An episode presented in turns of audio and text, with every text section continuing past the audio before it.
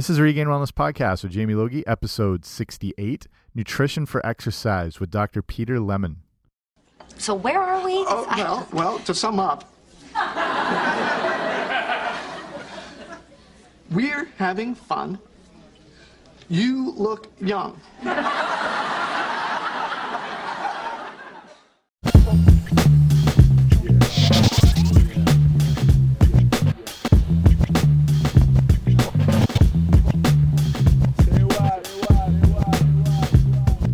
Hey guys, what's happening? Welcome back to the podcast. I'm Jamie Logie at runregainwellness.com, and this is the Regain Wellness Podcast. And hopefully you can hear me okay, because when I was doing the first intro, I was moving the mic around, tried to swing it, and just caught it with a full right hook and knocked the crap out of the thing. Uh, it's back on, so hopefully it's okay. I'm in this actual studio where I record, and the mic just kind of swings around, so hopefully I don't sound too damaged in any shape or form. So interesting topic today because this is something I've loved since I was, you know, 15, 16 years old. And it's that idea of nutrition and exercise and sports nutrition, how it impacts um, your performance. And I've, I've been an athlete my whole life from a young age. I'm Canadian, so by law, I'm required to play hockey, which I've always loved. And I was involved in um, growing up football, played um, I was involved in track, running, throwing events. Uh, I played a, a, pretty high level of baseball for my city here. I went to a few uh, professional tryout camps, and actually, I had a player card signed with the White Sox and the Pirates. This is way back. I mean, it sounds more impressive than it is. They they'll register in anybody, um, and I was really fast back then, which is the biggest prerequisite in any sport, specifically baseball. And so I just always wanted to get the absolute most out of my training and performance. And so nutrition and exercise nutrition always appealed to me. And even as in as much of how it impacts your overall appearance and how you physically look and your strength and anything that to do with exercise nutrition really applies to those who are uh, just looking to get in shape or get healthier or look better or lose weight, gain muscle, whatever. It doesn't have to be for elite athletes as it is important. And my guest today is one of the top people to talk about this. I'm talking today to Dr. Peter Lemon, who is a PhD and professor at the School of Kinesiology here in my hometown at Western University, where I went to. And I was just recently at a uh, nutrition fitness conference being held here in my city, and he was one of the speakers. And I was I had to finagle my way into his um, seminar just because it was so popular. Everyone wanted to get in, so I managed to sweet talk my way in. Um, just touch base with him as well, and had him come on the show to talk about all this stuff with exercise nutrition and sports nutrition how this can all apply to you. We touch on issues of, you know, carbohydrate needs, protein needs. We touch on intermittent fasting, which is a huge topic. So tons of cool stuff in this. And then him and I get into our own little sports um, commentary on the state of the Toronto Maple Leafs, which is something we're both big on. Again, being Canadian, that's important to us. So that's uh, the way we finish off, which is cool. So I'll give you just a bit more on Dr. Lemon's whole background and bio. He'll he'll go into it a bit more in the interview, but just to get you up to speed. So like I said, professor of at the School of Kinesiology. His PhD is from uh, Wisconsin Madison. He has his MHK from Windsor here in Ontario, and his BA and BPA from McMaster University. He's on the Weider Research Chair. Um, he supervises graduate students. His his main research work is around macronutrients like carbohydrates, fat, protein ingestion timing, and exercise performance, as well as food supplements and health and or exercise performances. He looks into training and exercise performances and exercise and body composition changes. So, a lot of his research and affiliations are with the Canadian Center for Activity and Aging, uh, he works with foods and nutrition at Brescia University College here in London, and he's the director of the Exercise Nutrition Research Laboratory. And then he also, you know, he teaches in exercise nutrition and nutrition, exercise, and wellness, and exercise physiology. He does a lot. I mean, he's a, he's a PhD. He's one of the best of the best. A few of his awards in 2012 and 2013. He won the Teaching Award for the Faculty of Health Sciences at West Univers University here. And 2012, he was Volunteer of the Year for the London Sports Council here in London, Ontario. He helps coach the Western Mustangs softball. He does it all. Very active guy. So I will stop right here and we will get right to it with Dr. Peter Lemon. So, welcome to the show today. My guest, Dr. Peter Lemon. How are you today? Good, thanks, Jamie. Good. Um, so, can you tell us? I'm a I'm a former Western Mustang, and you uh, you're down there at the now Western University, formerly University of Western Ontario. Can you tell us a bit about your background and everything you're involved with? Uh, sure. I um, I did my graduate work at the University of Wisconsin in Madison and then uh, I moved to Kent State University, where I was on faculty for nearly 20 years. Oh wow! And then um, the dean at Western uh, contacted me about maybe coming here, so I came to visit and uh, liked it a whole lot. So uh, the rest is history. Awesome. So you work in you you probably do a lot of work with exercise nutrition and athletes and everything like that. So these with a lot of changing diets and theories and you know thought processes change quite often. What does a good uh, base of nutrition look like for athletes these days, in your opinion? Well, the number one uh, consideration is, of course, calorie intake because that's where you get the energy from. So you got to make sure that you're uh, consuming enough food to match your expenditure, or you're going to be losing weight like crazy, and that would be um, uh, muscle as well as uh, any fat that you have. So number one is always calories. Uh, after that, you got to look after the important macronutrients, and um, the the two most important are carbohydrate and fat. Uh, sorry, carbohydrate and protein. Uh, fat will make up the difference.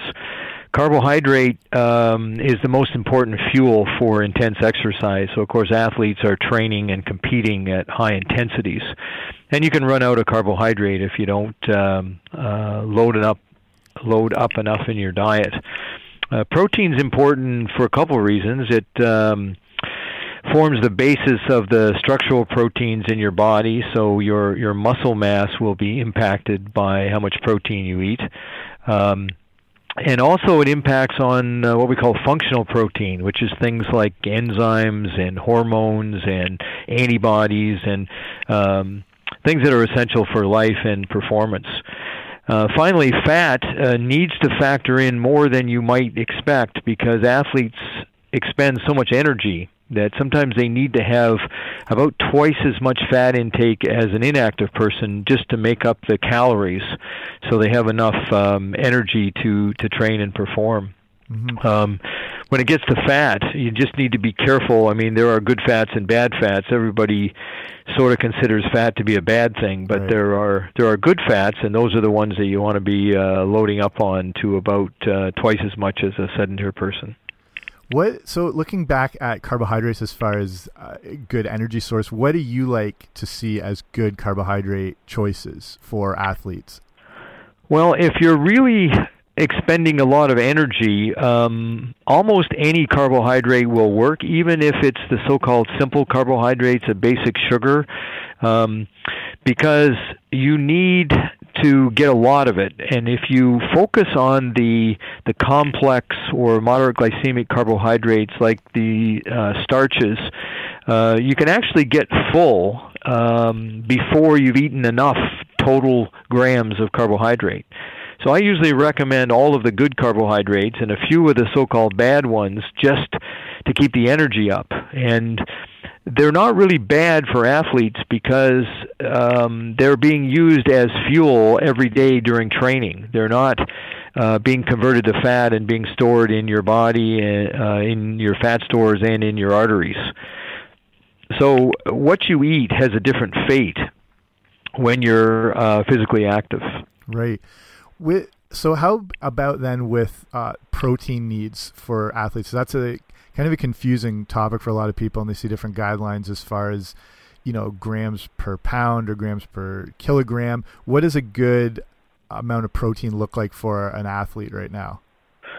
Well, most of the data suggests that um, physically active people need uh, slightly higher daily intakes of protein Um, but what may be more important is when it's consumed. Mm-hmm. Um, uh, associated with the training session, I think is really important. But most most people recommend somewhere between about 1.2 and 1.4 grams per kilogram of body mass for endurance athletes, and a little bit higher than that, maybe 1.6 to 1.8 for uh, strength athletes. But interestingly enough, um, we're working on this a little bit in our lab again. I did a lot of work on protein years ago, and we thought we kind of had answered the question with the technology that was available. But there are some new methodologies now, so we thought we'd reinvestigate it.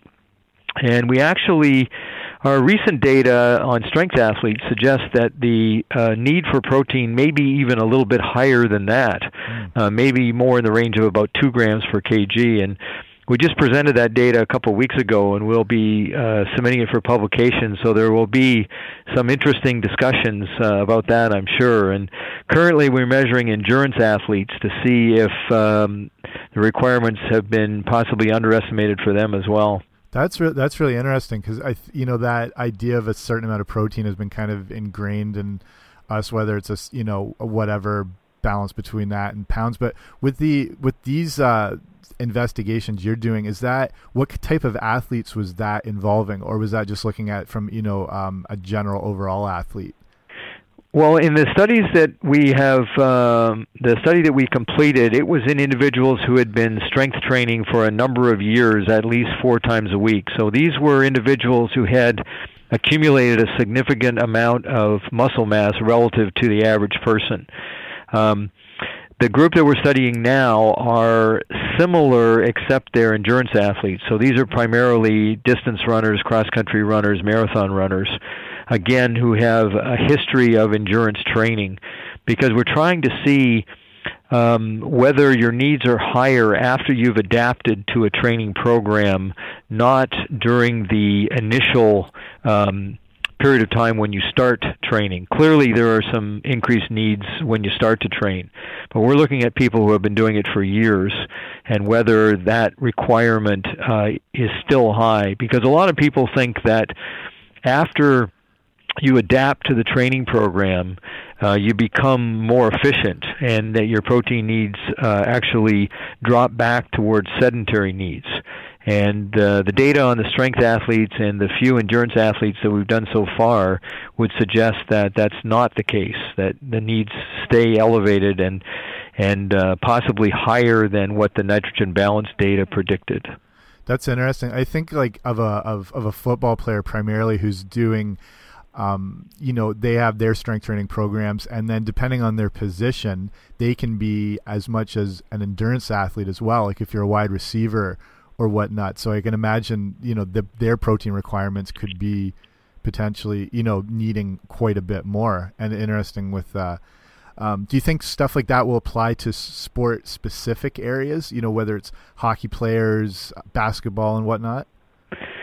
Yeah, I think uh, when you deal with those sorts of athletes that do a little bit of both uh, strength and endurance training, the energy expenditure can be substantial. And uh, typically, with a lot of football players, uh, especially uh, um, backfielders, they they have trouble maintaining their body mass because of the the amount of expenditure that they do.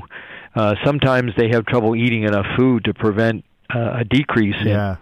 in, in body weight. And so we probably need to make sure that they're consuming uh, protein in the range of strength athletes. But more importantly, we need to make sure that their energy intake is high enough to prevent a loss of muscle mass, and that may require some uh, liquid uh, carbohydrate supplementation because it's it's easier to consume calories as as liquid than it is uh, as solid food. So we want these guys to be eating as much as they can, but then we still need to supplement them, or else they'll be literally wasting away. Yeah. Can you talk a little about um, nutrient timing and ingestion timing of things like protein and carbohydrates, as far as when you're wanting to look to ingest those based on the time of your events and your recovery, all that sort of stuff?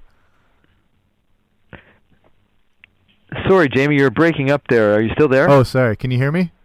Uh, sort of intermittently, I, I missed that question. You, I, you just started and then it just broke up and I couldn't hear anything. Oh no, I'll try again. Hopefully the the connection's okay. I'm just on Skype right now. I was saying, can you talk a little about nutrient timing and ingestion timing of things like carbohydrates and proteins as it's related to, you know, training periods and competitions and whatnot?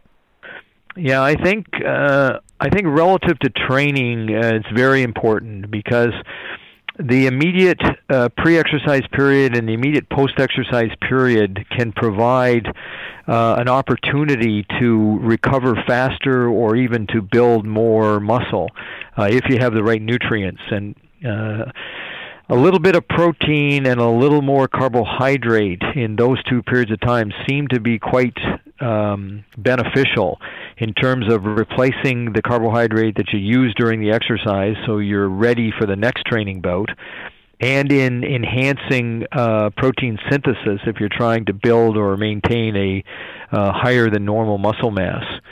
So some of the amino acids in protein foods actually turn on the muscle's ability to um, build muscle. Mm-hmm. So you actually activate the process, even if you just consume it um, not associated with exercise, but the effect is much greater when it's associated with exercise. So I think it's it, the timing is probably more critical than the total amount. In other words, if you're a little bit off for the total amount, but you're getting it at the right time, you may still be okay. If you're getting uh, more than the total amount, but not at the right times associated with the exercise, you may still not respond optimally. And do you do you recommend then for say a post workout um, nutrition or post game? Do you recommend having a bit more of a, a say like a liquid based, faster absorbing um, nutrition, or, or, or getting into whole foods or a whole meal? Um, right after the exercise, I recommend a uh, a liquid replacement because athletes are very thirsty after exercise, but they're not uh, often wanting to consume a lot of solid food. Mm-hmm.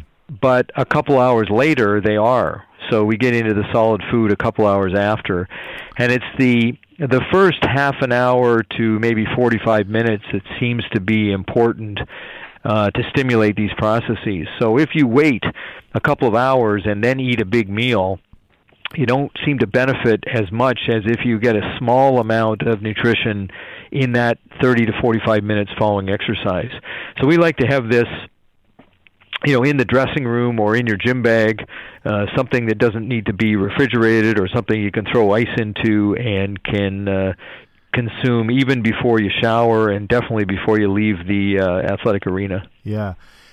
Um, for someone who's okay, not a competitive athlete, or you know they might have been in the past, and now they're just getting into a normal lifestyle of fitness. So maybe they're in the gym three to four days a week, and you know doing a little activity here and there.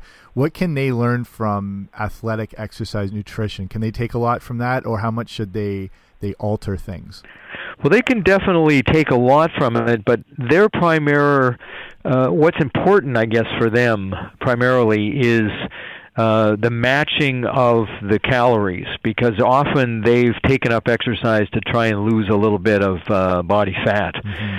And so uh, a lot of the things that we talk about with athletes, you know, running out of fuel isn't a concern. Uh, you would like to run out of fuel in this situation because then you can rely on your body fat stores and as a result lean up a little bit with the exercise. So we don't want to really uh, load up with fuel prior to an exercise bout because if you do that, you'll burn that carbohydrate instead of the body fat that you're trying to get rid of. Yeah. Do you like uh, for for whether it's competitive athletes or someone who's doing intense training sessions? Um, some people look at this idea of mid-workout amino acid supplementation, whether it's just through branched chain amino acids or sipping on, you know, a whey protein shake. Do you think that can have any benefits as far as preventing muscle tissue breakdown earlier and starting recovery quicker? There's a little bit of data, not enough for me to be totally convinced, but the idea goes something like this we know that immediate post-exercise nutrition with, with carbohydrate and protein is beneficial. That's been measured a number of times. And if you consume something during exercise or even before exercise, uh, it's readily available at the end of exercise. And so the theory is that you can get it to the muscle a little bit faster if you consume it during exercise or before than when you start immediately after. Because obviously, if you stop exercise and you consume something, it takes a while for it to get broken down, um, absorbed into the bloodstream, and transmitted to the uh, to the muscles. But if that process has already occurred because you consume something before or during, um, it, it could be advantageous. Now, there are some other factors going on, though. Uh, when you're exercising, there's a rerouting of blood away from the digestive tract. Mm-hmm. So um, it takes a lot longer, and you don't want to be consuming a lot of stuff because if you do, the gut is going to steal some blood from the muscles. And that means your exercise performance is going to be adversely affected but perhaps in recovery bouts, you know, between sessions, if you're a team sport athlete and you're on the offense and the defense is on the field, you could be sipping on something. Um, as long as it wasn't huge, uh, it might be beneficial. But there isn't a lot of data confirming that. It's mainly theory, and uh, theory sometimes is quite convincing, but often it doesn't work that way. It's more complicated, and the data doesn't really support uh, beneficial effects of that procedure before or during, but it definitely does immediately following. Interesting, interesting.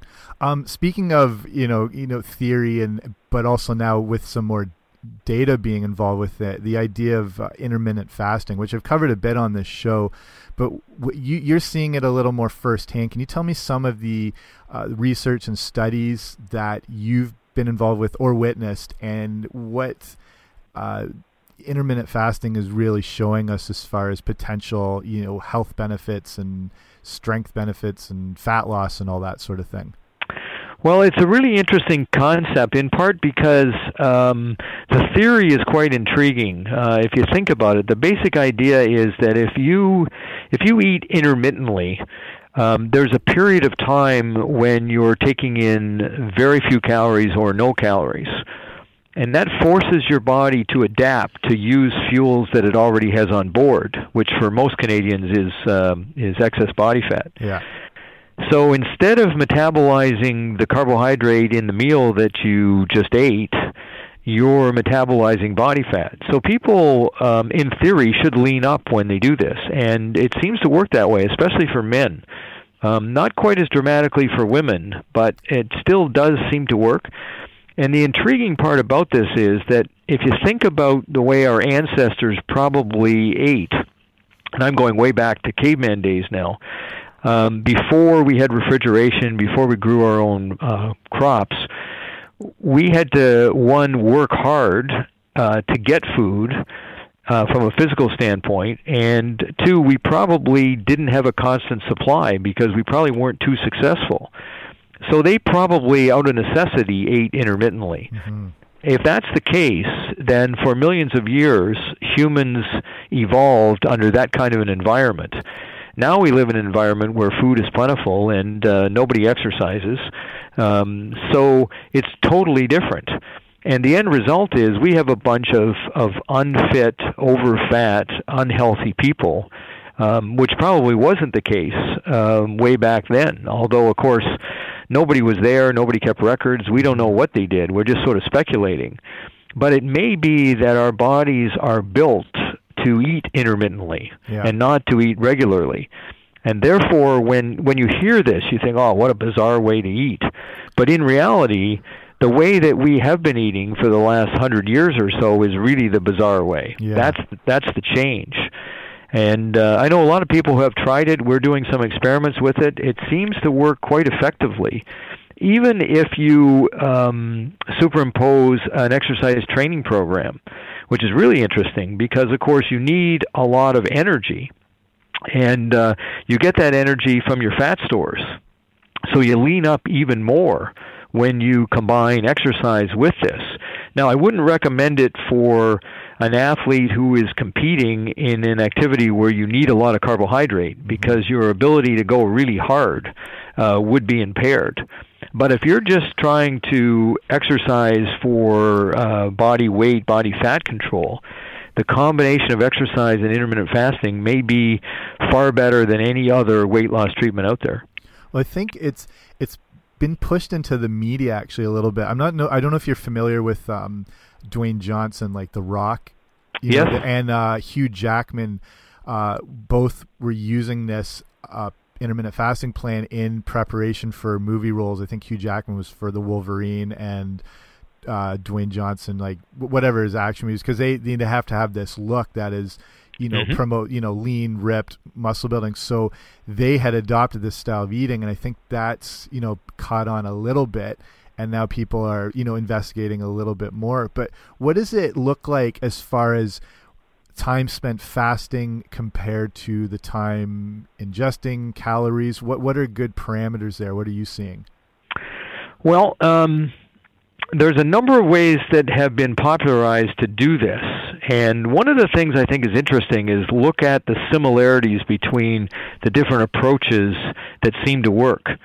Uh, one approach is is just varying the time within a day when you eat.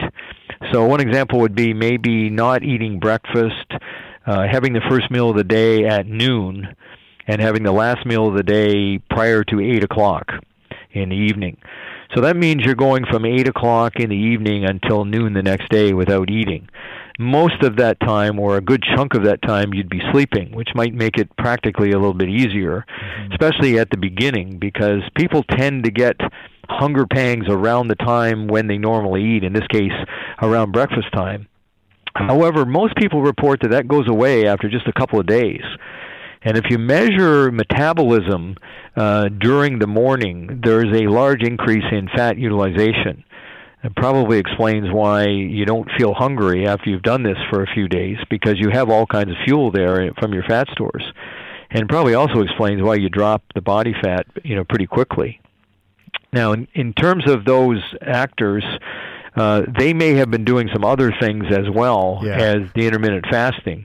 Uh, so the pictures may be way more dramatic than if you try this yourself. Yeah. But it does it does seem to work, and uh, uh, I've tried it. Um, I've exercised in the morning, not having eaten since um, you know eight o'clock the night before. And again, after a couple of days, it's not difficult at all. Now, I'm not doing, you know, maximal exercise. Uh, I do um, some sprint interval training where I go 30 seconds hard and then a couple minutes of recovery. But I only do four, five, six sessions of that. So I'm doing two or three minutes of exercise at an intense pace, and the rest is just slow recovery. Um, but that's very easy to do from the standpoint of um, uh, not feeling fatigued or uh, not having sufficient energy to, to do that. Yeah. What, so when is this? When you have your workouts, when is this uh, in the day? Is this earlier in the morning? And Yeah, as soon as I get up, um, usually between about six thirty and seven o'clock, I have a routine with uh, sprint interval training and weight training that takes about half an hour for both back to back. yeah. And so when would you, or when would you recommend then, if you say you're doing this early morning workout, as far as when is your, um, you know, recovery meal wise and nutrition wise at looking like after that? Well, uh, because I'm not trying to maximize uh, muscle mass, uh, I'm not eating anything um, until afternoon. So Right. I'm using the exercise and the approach um, so that I don't have to diet and I can uh, maintain a, uh low body fat.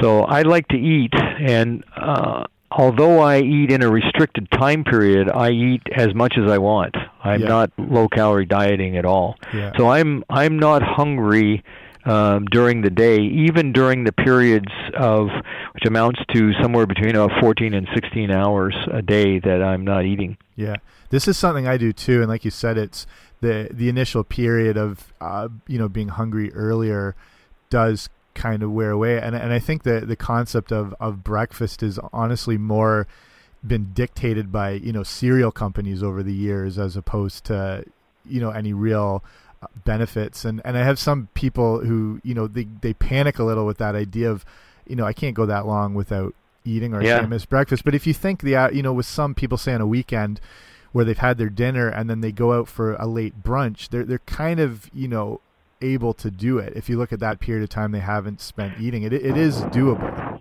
Well, I I discovered this kind of haphazardly. Sometimes on a weekend, I would get up a little bit later than normal, and I would just start working on something. And um, I get uh, entrenched in it, and I'd look at my watch and be one in the afternoon, and I hadn't eaten, Yeah. and I wasn't hungry. So I think a lot of hunger is kind of psychological, associated with the times that you're used to eating. yeah So you look at your watch, it's noon, oh, I got to have lunch.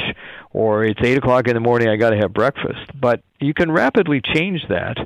And I think your metabolism adjusts uh, so that the physiological hunger goes away uh, after just a few days of doing this. Certainly with myself, it was probably about two days. yeah Uh, I felt a little bit hungry the first couple of days, and after that, I I don't even think about it now. And I I have class a lot of times uh, ending at about twelve thirty, and so I come back to my office, and that's when I have my lunch, usually a quarter to one, one o'clock, somewhere around in there.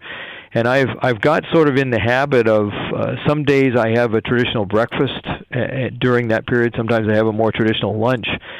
Initially, I um, I ate breakfast and then lunch about three, and then dinner around seven. Um, now I tend to eat just two meals, Okay. uh, but they're a little bit bigger than when there was three. I haven't actually calculated it. Uh, I may be eating fewer calories, but I'm not doing that because I'm trying to. I, I'm eating until I'm full. Um, so there's no feeling of um, uh, you know, I need to eat more. I'm hungry all the time. That's I don't feel that at all. How about yourself? Do you do you feel hungry? Um, honestly, I feel more full than I ever have eating in that shorter window of time, and it, Mhm. it's something like I, I, I'm not counting calories or anything like that, and I'm going, you know, I go more by portion size, but I'm still relatively active. I play a lot of hockey and I bike. I'm in the gym quite a bit. So as far as my what my meals look like, it's still you know decent size carbohydrates and on days where I'm not doing anything I try and you know lower those a little bit but it's something I've I've been thinking about too wanting to kind of get an idea of how much I'm actually consuming in that 8 hour window compared to uh, what I think I'm consuming I find very interesting so You don't find any effect on your ability to perform in uh, the exercises? uh, I, in I haven't like the way I do it though is I will have I'll base my workouts around having my first meal of the day. So if I'm not having my first meal till 12 or 1, I'll have my workout just before then. I might do a little bit of protein, you know, maybe 15 20 grams just before. Um, I don't know if that's a you know psychologically in my head that's just what I think and then I know I'm going to be having um, good post workout nutrition and then follow that 8 hour window into whenever it ends on that day. So it's the Mhm. same thing. I don't know if there's some things I can do to play around with it, or you know, people who are listening, um, what they can take away from that. Well, I think there are a lot of variations on this. I, I mentioned that other people have uh, tried different approaches. I know some people do what they call a five and two, where they eat uh, as much as they want on five days a week, Yeah, but they cut down to about 25% or less of their calories on two days in the week. So maybe Monday and Thursday they eat low, maybe 500 calories, give or take a little bit, and then they eat 2,000 or whatever they normally eat on the other days.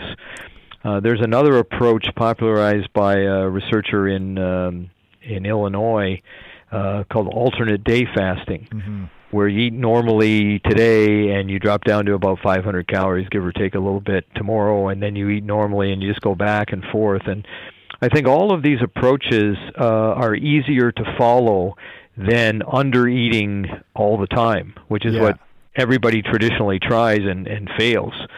Uh, and it may be it may be physiological in that you know your body is pretty smart and it it adapts quite quickly to a standard approach. So when you undereat, it senses that and it starts conserving energy so that the same amount of food will produce more body fat. when you do it intermittently, any one of these approaches seems to work. Um, it maybe can't detect that there's a constant change because you're you're you're changing back and forth. You're eating normally, you're eating a low amount, you know, back and forth. So there may not be enough time for it to actually figure out what's going on. Yeah. And so you don't slow your metabolism or become more efficient and therefore you you end up expending the same amount of of energy but you use fat from your body stores instead of the foods that you uh, would have eaten in that meal. Yeah. To to me it honestly it feels more natural eating this way because i think a lot of our meal times obviously I, I think they call it abstract time where we do stuff based on the clock so you know 7 a.m., 12, and 5. You know, like we look at those, like you said, those are our meal times where that's not what our body necessarily, our body doesn't know time or the clock or whatever.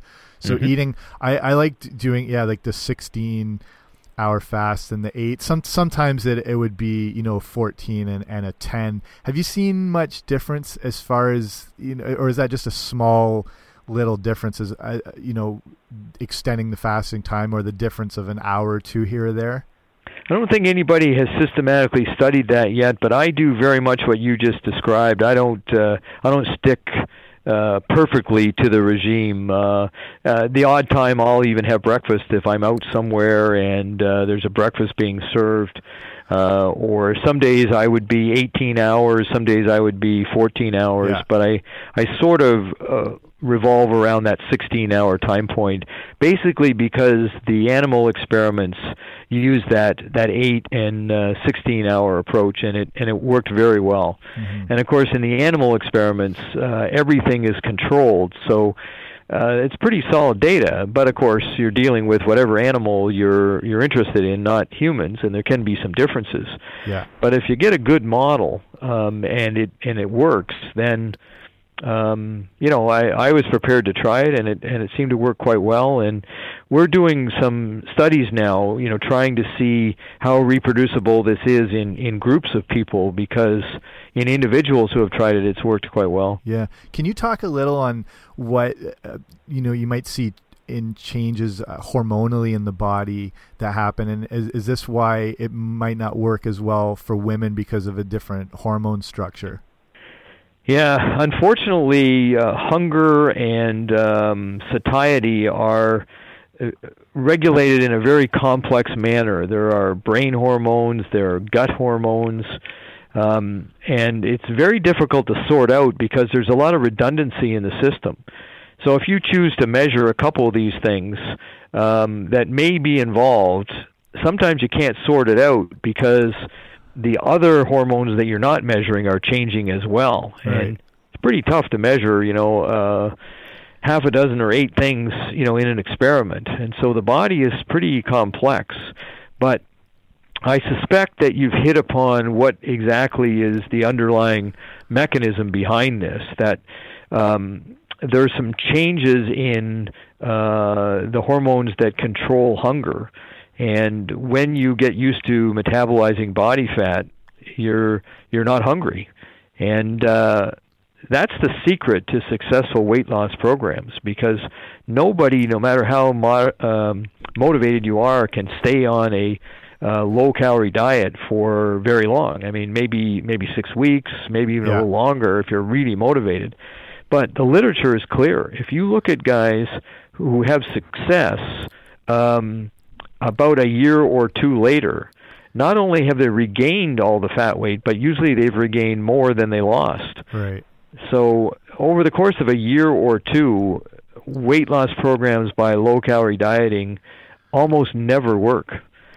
Now, this stuff, uh, intermittent fasting, hasn't been around nearly as long eh, from a standpoint of studying it. Yeah. Uh, but it does seem to be easier to maintain and you know skipping breakfast is is pretty easy. Uh, most people don't even know you're doing it because you tend to eat breakfast you know in your home anyway. Yeah. I mean if you decided to skip lunch or dinner there'd be a number of times when you'd be with other people who would think that you were crazy you know like what the yeah, heck are you yeah. doing? You don't even have to explain anything. Nobody knows that it's happening. So yeah.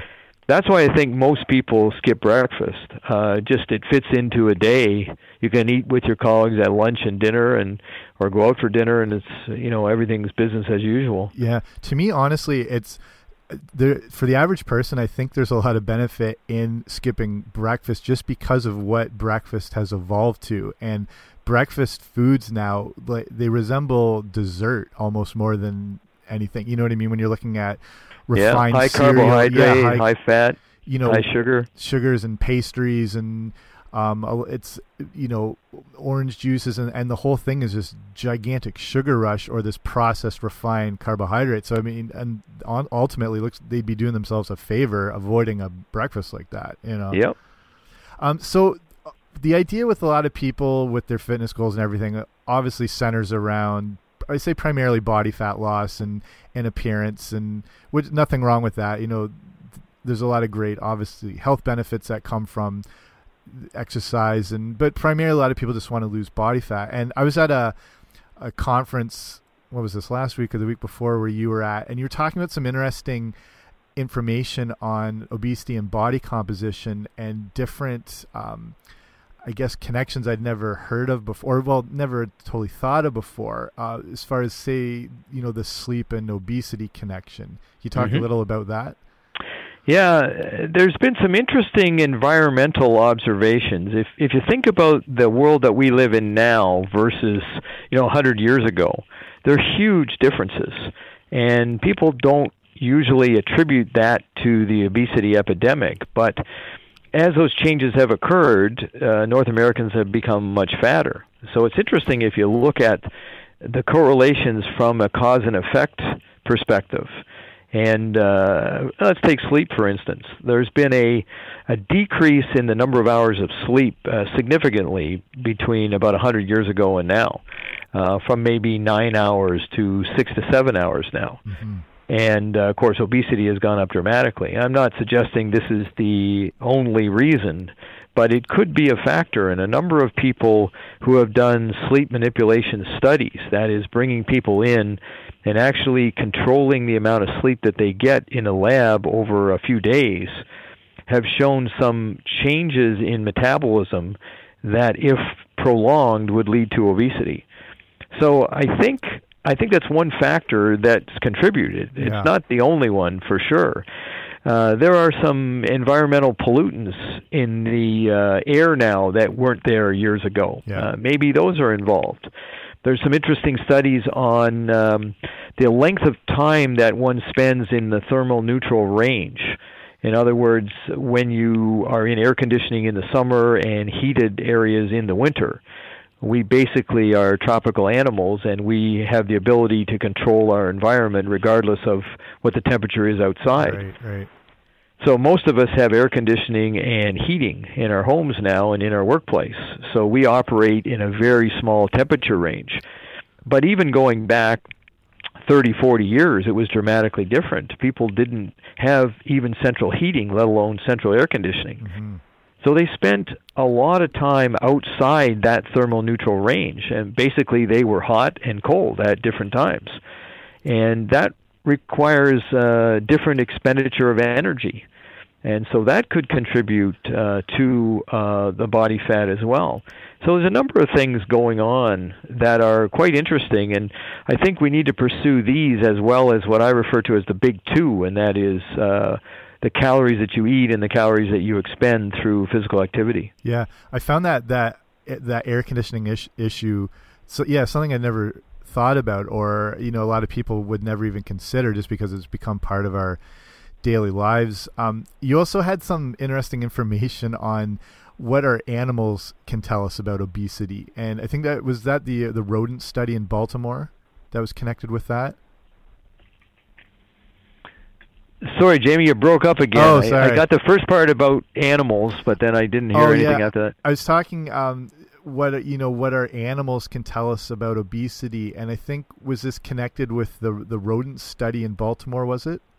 Yeah, there there have been a number of studies. Uh, one of the ones that I related is that um, a study back in the 30s or 40s had looked at uh, some rodents that were captured in in Baltimore, and part of the study involved assessing their body composition.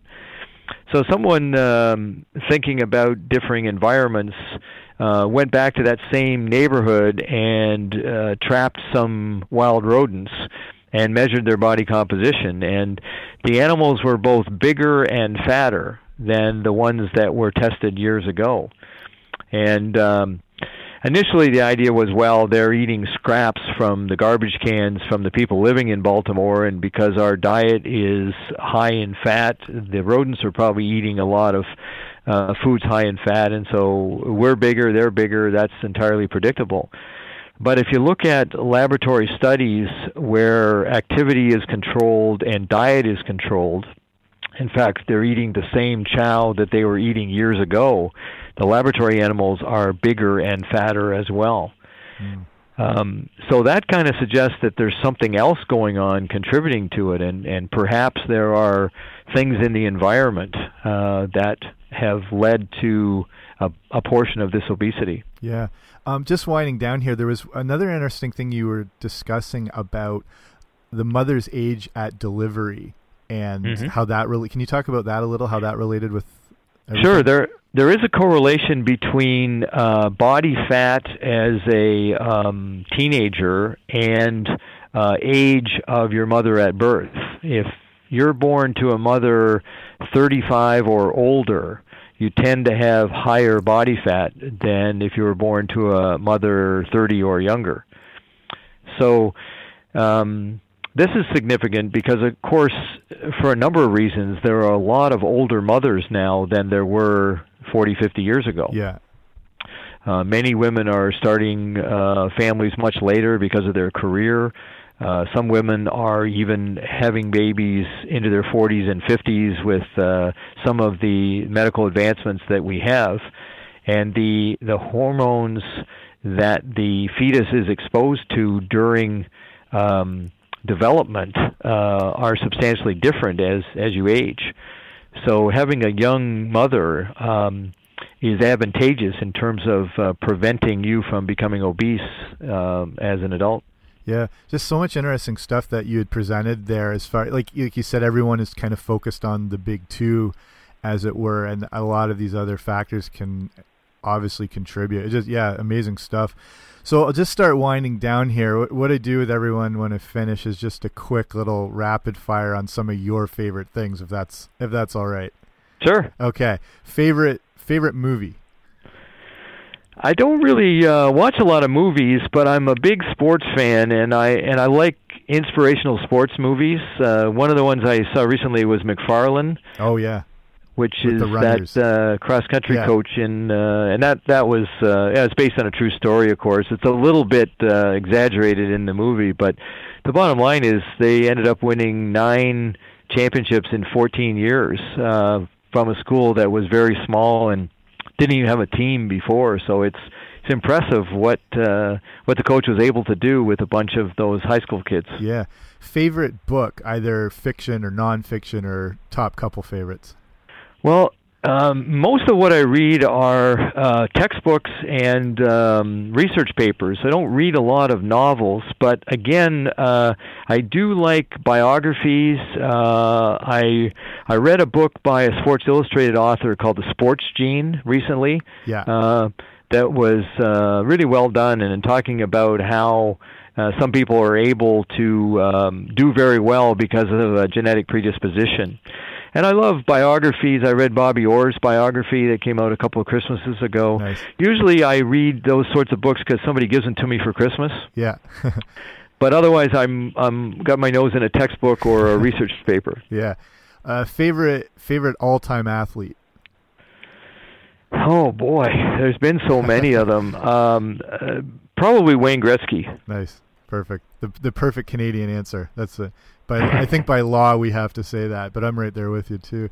Um, well, you um, know what impresses me about Gretzky is that uh, he didn't seem to get changed by all the um, the fame that came along with his success, yeah. and so many athletes, um, you know, sort of get full of themselves uh, because they get treated differently for so long. They think that they're special, and he's one of the guys who that didn't seem to impact. Yeah, Gretzky, he seems the same now as when he was doing interviews as a junior hockey player. It doesn't Yep. seem like there's a wide, you know, too much of a crazy transition from him.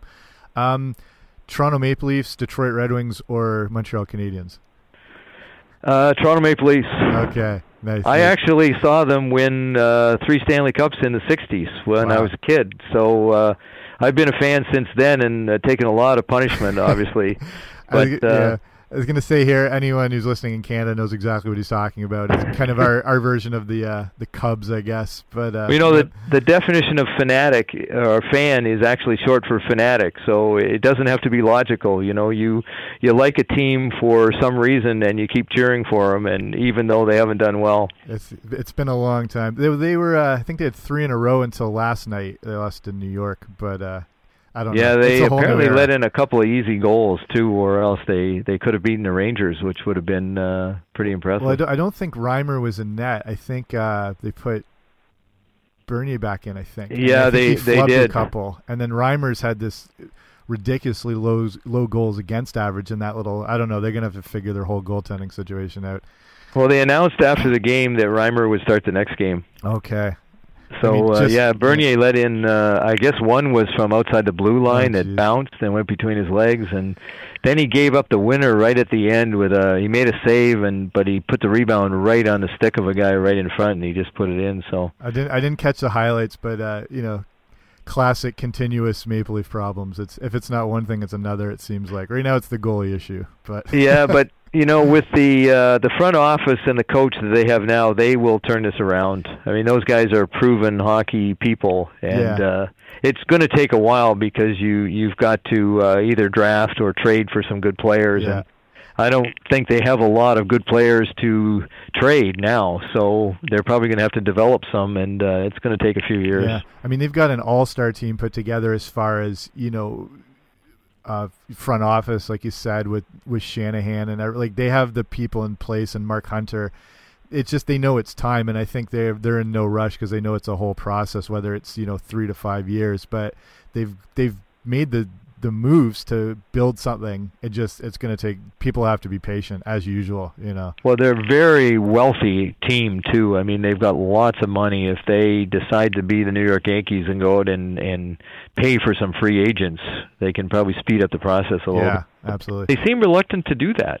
I don't know. I, I they they have something in their their minds that they have planned, and I, I don't know if, how far they're sticking with that, and if they have a time frame as far as how far down the road where they I you know I don't know how much they're taking this season as a transition or if it's a write off. Who knows? I don't know what their ultimate you know they have something in place. We will I guess we'll find out what that will be.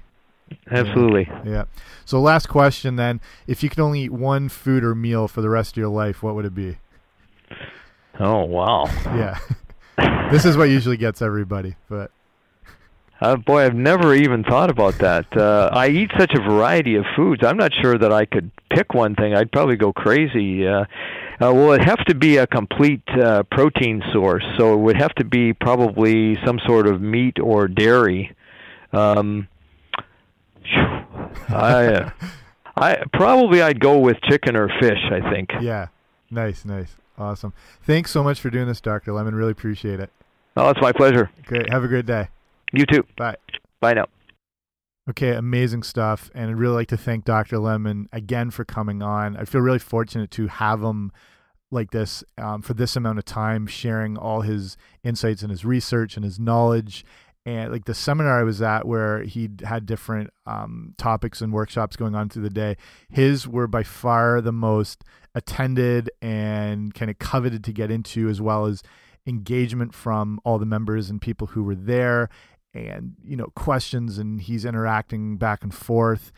And just he, he was like the, the man of the hour. He's like the go-to guy for all this stuff among some amazing other presenters and presentations through the day. So having him on for this amount of time is just yeah i feel really fortunate just to you know throw these uh, questions out and hear his insights because he's right in there. He's the one doing the research and they're finding all this new stuff that gets reported eventually. They're the they're the go-to guys. So hopefully you liked it. Make sure you uh, subscribe to the podcast so that you get these shows continually sent to you. And if you haven't already, head over to regainedwellness.com and you can see all the stuff I got going on there with the other podcasts, blogs, guides, all sorts of stuff. Make sure you sign up for the email newsletter too, because I provide information that I'll only share through email. So more insights and um, other stuff that's going on and whatnot. So if you go to regainedwellness.com slash guide, you can sign up right there and then I send you off a free ebook as well to get you started with healthy eating and some recipes and all that good stuff. So you'll be ready to go and start taking back your own health.